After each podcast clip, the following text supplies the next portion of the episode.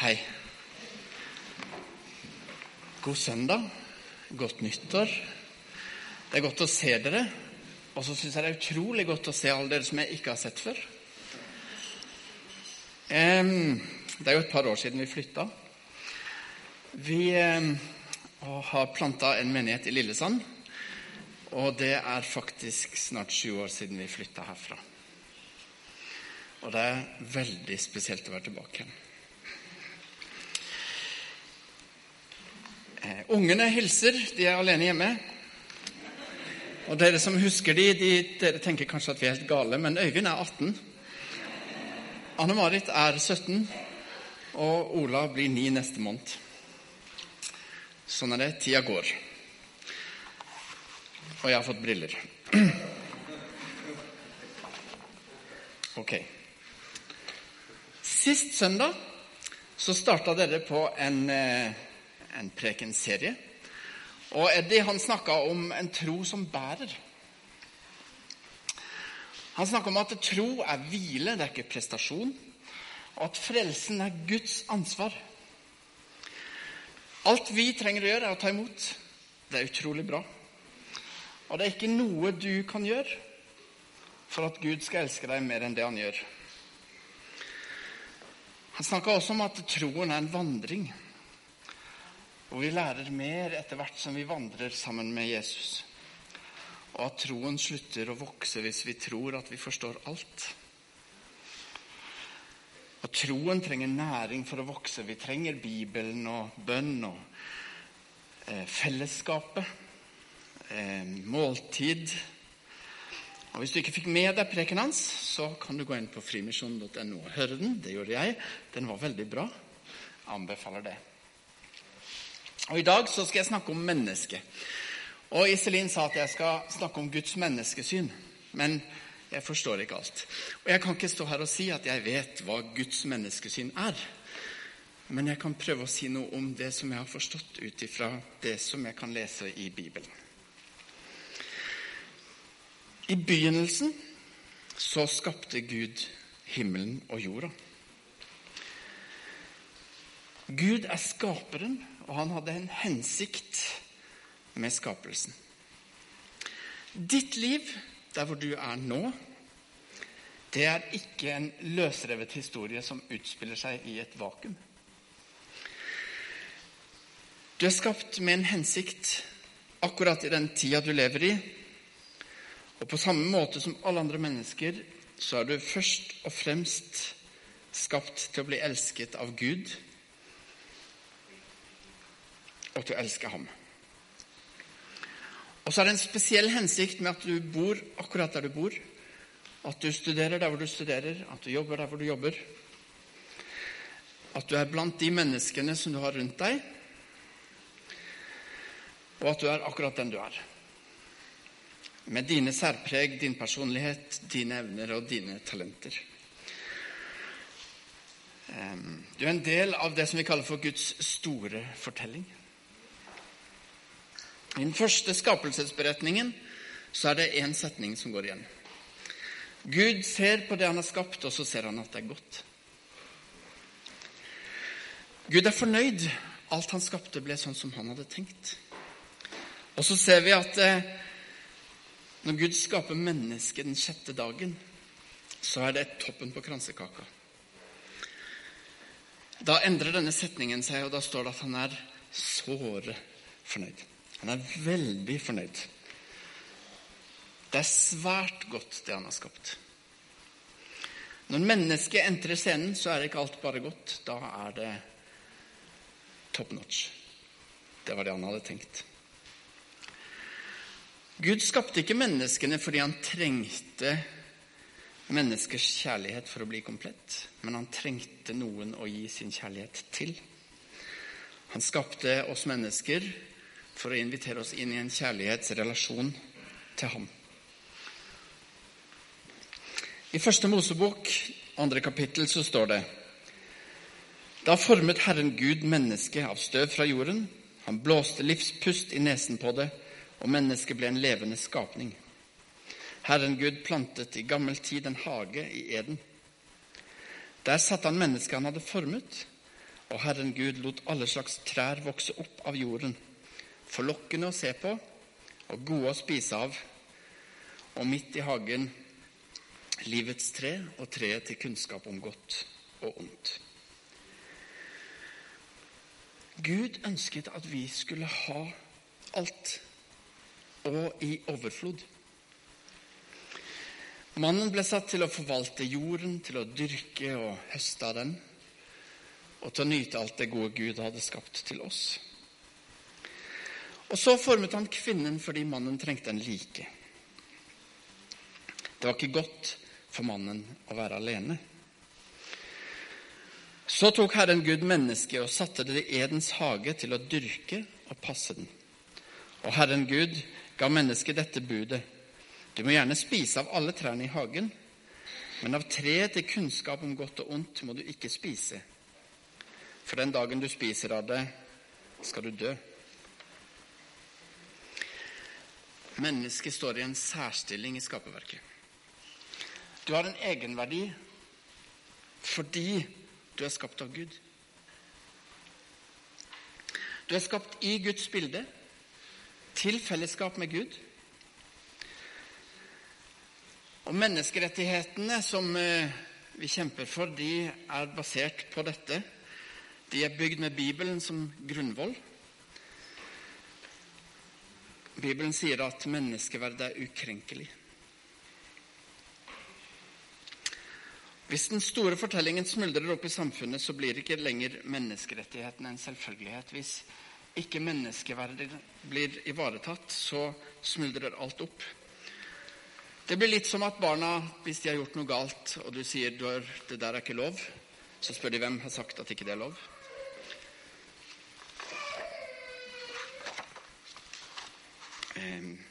Da vi vokste opp, så lærte vi at ehm, vi hadde en egen verdi. Vi var verdt noe fordi Gud hadde skapt oss. Alle mennesker er like mye verdt fordi Gud har skapt oss. De som er ungdommer i dag, dere som har vokst opp i nyere tid enn da jeg var ung og kjekk og alt det der, dere har en spesiell utfordring fordi vi lærer ikke lenger det i samfunnet at Gud har skapt alle, og derfor har vi uendelig verdi. I dagens ungdomskultur så er det en understrøm som sier at hvis du skal ha en verdi, så må du skape den selv.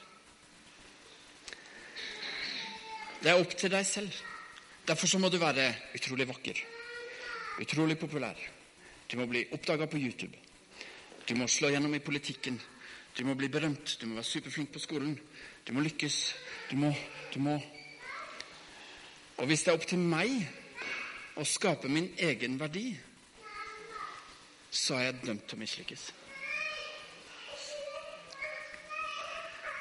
Og så er det heller ikke sånn lenger at eh, barn er en nødvendig ressurs for familien. Det har det vært tidligere. Den eneste nytteverdien for barn er at du er du. Og hva skjer hvis ikke det er en selvfølge at du har verdi fordi du er du? Det kan oppleves som at ikke det er bruk for meg før jeg har blitt noe. Før jeg er utdanna, før jeg har lykkes, før jeg har blitt populær og berømt.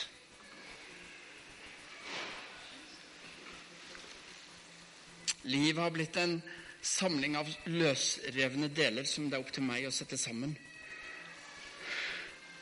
Men hvem er det som bestemmer din verdi? Hvem har rett til å sette merkelapp på deg?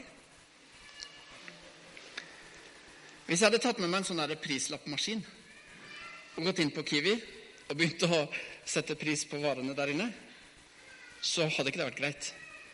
Da hadde de tatt fram prislappmaskinen og kasta meg ut av butikken. ikke sant? Det er jo ikke mine ting. Det er ikke opp til meg å sette pris på de. Det er bare den som eier en ting, som kan sette merkelapp på den, som kan sette en prislapp på den. Hvis jeg kjøper en vare, så kan jeg sette en pris, en verdi på den og selge den på Finn. Men jeg kan ikke selge Kristina sine ting på Finn. Det blir for teit, ikke sant? Allikevel så lar vi på en måte noe annet i samfunnet bestemme vår egen verdi. Om vi er berømt eller populære eller lykkes. Hvorfor har det blitt sånn? I første Mosebok 3 så står dette forklart. Slangen var listigere enn alle ville dyr som Herren Gud hadde laget. Den sa til kvinnen, Har Gud virkelig sagt Har Gud virkelig sagt at dere ikke skal spise av noe tre i hagen? Kvinnen sa til slangen, Vi kan spise av frukten på trærne i hagen. Men om frukten på treet som står midt i hagen, har Gud sagt, dere må ikke spise av den og ikke røre ved den, for da skal dere dø. Da sa slangen til kvinnen, dere skal slett ikke dø. Men Gud vet at den dagen dere spiser av den, vil øynene deres bli åpnet. Og dere vil bli som Gud og kjenne ondt og godt. Nå fikk kvinnen se at treet var godt å spise, å spise av og en lyst for øyet. Et forlokkende tre siden det kunne gi innsikt. Så tok hun av frukten og spiste. Hun ga også til mannen sin som var sammen med henne, og han spiste. Da ble øynene deres åpnet, og de skjønte at de var nakne. De flettet sammen fikenblader og bandt dem om livet. Da hørte de lyden av Herren Gud som vandret omkring i hagen i den svale kveldsbrisen. Og mannen og kvinnen gjemte seg for Herren Gud blant trærne. De gjemte seg for Gud. Men Herren Gud ropte på mannen og sa, 'Hvor er du?' Han svarte, 'Jeg hørte lyden av deg i hagen og ble redd, fordi jeg er naken, og jeg gjemte meg.' Og Da sa han, 'Hvem har fortalt deg at du er naken? Har du spist av det treet jeg forbød deg å spise av?' Mannen svarte, 'Kvinnen, kvinnen som du ga meg å være sammen med.' Hun ga meg av treet, og jeg spiste. Og Herren Gud spurte kvinnen, 'Hva er det du har gjort?' Kvinnen svarte, 'Slangen narret meg, og jeg spiste.'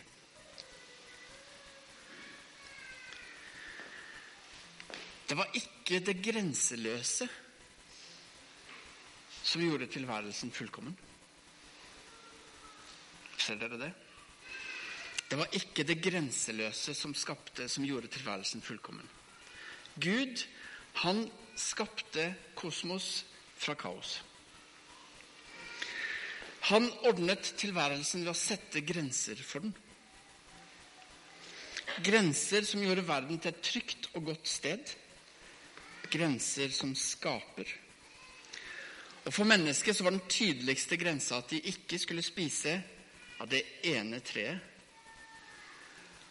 og Det var jo ikke det at dette treet var det eneste frukttreet i hagen. De hadde overflod av alt. Men mennesket respekterte ikke de grensene som var satt. De så ikke at det var til det beste for dem. Og dermed så fikk det onde plass innenfor det godes grenser. Og det var jo ikke det at ikke de hadde kunnskap. De hadde all den kunnskapen de trengte fordi Gud mente at vi ikke trengte kunnskap om det onde. Vi trengte ikke å ha det onde inn i livet vårt. Og Da mennesket valgte å høre på slangen, så ble tillitsforholdet mellom Gud og mennesket brutt. Mennesket valgte bort Gud. Vi valgte å stole på oss selv Å høre på andre stemmer og la andre bestemme over oss. Har Gud virkelig sagt at? Har du noen gang tatt deg selv i å tenke det? Har Gud virkelig sagt at?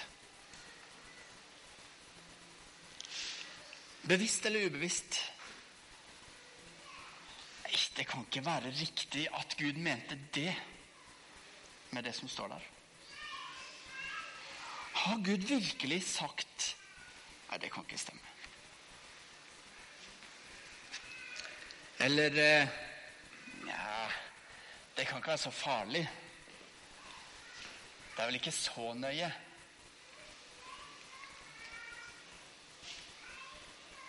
Og mange ganger så kan ting som står i Bibelen, være veldig vanskelig å forstå. Og det kan være veldig vanskelig å skjønne at Gud faktisk skrev det, eller at det står der. Har Gud virkelig sagt Og så ser vi ikke konsekvensen av det vi gjør, men så er det faktisk sånn at Gud har satt grenser for oss. Han har skapt oss. Han vet hva som er best for oss. Så han har satt noen grenser. Når vi velger å ikke stole på Gud, men å stole på det onde isteden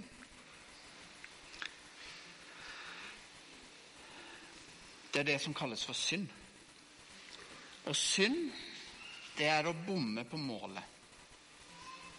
Og det er å bomme på målet om å leve det gode livet. Og det er mye mer alvorlig enn å bare bomme på mål når du spiller fotball. For det handler om å bomme på meninga med livet. Synd betyr noe som skiller oss fra Gud. Og Adam og Eva måtte ta konsekvensene av det de hadde gjort. Gud ønsket for oss at vi skulle leve sammen med ham i overflod og ha alt. I fullstendig harmoni. Og det står i vers 8 da hørte de lyden av Gud som vandret i den stille kveldsbrisen. Det høres utrolig digg ut å kunne vandre med Gud i den stille kveldsbrisen. Hæ? Fantastisk. Men pga. menneskets ulydighet så ble alt annerledes. Da sa Herren Gud til slangen, Forbannet er du, utstøtt fra alt fe og alle ville dyr, fordi du gjorde dette. På buken skal du krype, og støv skal du spise alle dine levedager. Jeg vil sette fiendskap mellom deg og kvinnen, mellom din ett og hennes ett. Den skal ramme ditt hode, men du skal ramme dens hæl. Og kvinnen skulle føde med smerte, og mannen skulle streve med å skaffe næring. Og jorda skulle ikke bare være lett tilgjengelig med overflod av alt, men torn og tistel skulle spire fram. Det var konsekvensen av det valget de tok. Og En annen konsekvens var at dyr måtte lide, for Gud drepte et dyr og lagde klær av skinn til dem. Og Herren Gud sa, se, mennesket har blitt som en av oss og kjenner godt og ondt. Bare det nå ikke strekker hånden ut og tar av livets tre også, så det spiser og lever evig. Herren Gud sendte mennesket ut av hagen for å dyrke jorden som det var tatt av. Han drev mennesket ut, og øst for Edens hage satte han kjerubene og det flammende sverdet som svinges uten stans. De skulle vokte veien til livets tre. Livets tre og treet om kunnskap om godt og ondt er trær med mye symbolikk. Livets tre symboliserer det som gir liv. Og det kan forstås som at hvis du spiser av livets tre, så får du leve evig. Men en annen og trolig bedre forklaring eller bedre måte å forstå det på, er at hvis du fortsetter å spise av dette treet, så vil du leve evig. Og Når Gud ser det som nødvendig å sperre menneskenes tilgang til livets tre, så er det for at menneskene ikke skal fortsette å spise av dette treet og leve evig. Sånn som de antagelig hadde gjort til da, og spist av livets tre. For de hadde bare fått beskjed om å ikke spise av kunnskapens tre. Og det ser ut som livets tre er et symbol på fellesskapet med Gud. Og så lenge dette fellesskapet er ubrutt, så har menneskene evig liv. Og da fellesskapet ble brutt, så mista vi tilgangen til det evige livet. Livet kommer fra Gud, og det opprettholdes fordi Gud vil det. Sjelen vår er ikke udødelig. Hvis Gud tar bort livspusten, så tar livet slutt. I Salme 104 så sier salmisten du skjuler ansiktet, og de blir grepet av redsel. Du tar livsånden fra dem, de dør og blir til støv igjen. Og i Jobbs bok så står det om han kun tenkte på seg selv og holdt ånden, pusten sin, tilbake, da ville hver levende skapning dø og mennesket vende tilbake til støv. Heldigvis hadde Gud en plan for hvordan han kunne gjenopprette forholdet mellom oss og han. Gud ønsker fortsatt å være sammen med oss. Han oppsøkte menneskene da de hadde spist av treet.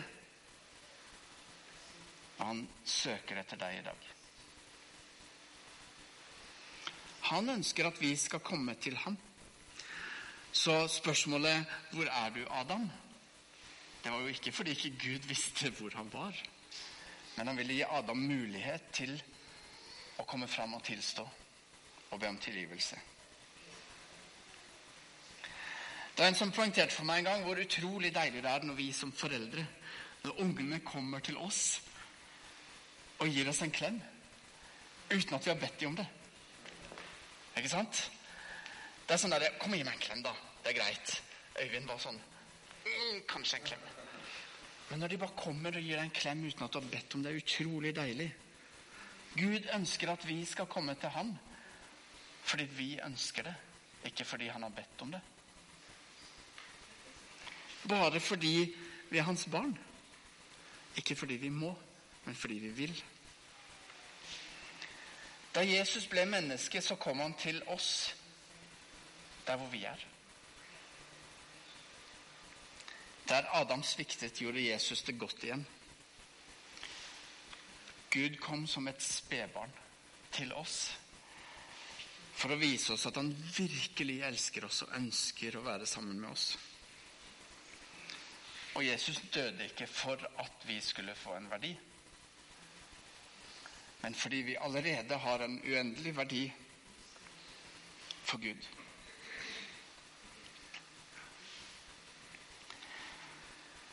I Romerne 5,8 står det at Jesus døde for oss mens vi enda var syndere. Jesus kjøpte oss fri. Han betalte for våre liv med sitt blod. Og Noen ganger når vi går til nattverd, så får vi utdelt et oblat. Og Neste gang du går til nattverd, så vil jeg at du skal se på det oblatet. For det oblatet det er formet som en mynt. Eh, en løsepenge. Og verdien på denne løsepengen er påtrykt. Er Jesus på korset. Og Det var den prisen som måtte betales for at du skulle gå fri. For Gud har skapt deg, og din verdi er satt uendelig høyt. Han ga livet sitt for deg. Det er bare han som har rett til å sette merkelapp på deg, til å sette en verdi på deg, og den er satt uendelig mye høyere enn du vet. Han har skapt deg sånn som du er, med vilje. Det var ikke en feil. Og valget vårt, det er å enten ta imot eller å fortsette å velge bort Gud. Det som kan samle elementene i livet vårt, det er Jesus. Han er den som kan være fundamentet i livet vårt.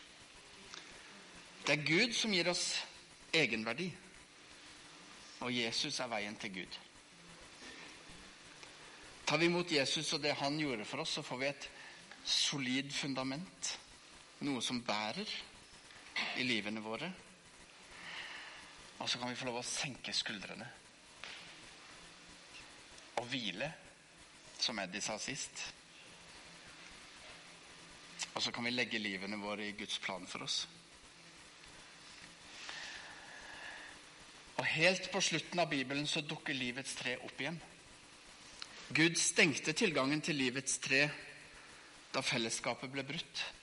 Men i Johannes' åpenbaring så står det at livets tre vil finnes på den nye jord. Mennesket vil igjen ha tilgang til å spise av livets tre. Forholdet vårt med Gud vil være gjenoppretta. Og vi vil igjen kunne vandre i den svale kveldsbrisen med Gud og spise av livets tre så vi kan leve evig. I mellomtiden så lover Jesus at de som tror på ham, skal få innlagt vann av liv. Men den som drikker av det vannet jeg vil gi, skal aldri mer tørste. For det vannet jeg vil gi, blir i ham en kilde med vann som veller fram og gir evig liv. Det er dette Gud ønsker for deg. Helt til slutt skal jeg bare lese fra Romerne 5. Synden kom inn i verden av ett menneske. Og med synden kom døden. Og slik rammet døden alle mennesker fordi alle syndet. Det var synd i verden også før loven kom.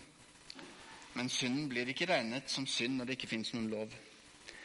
Likevel hersket døden fra Adam til Moses også over dem som ikke hadde begått noe lovbrudd, slik som Adam. Adam er her et motstykke til han som skulle komme.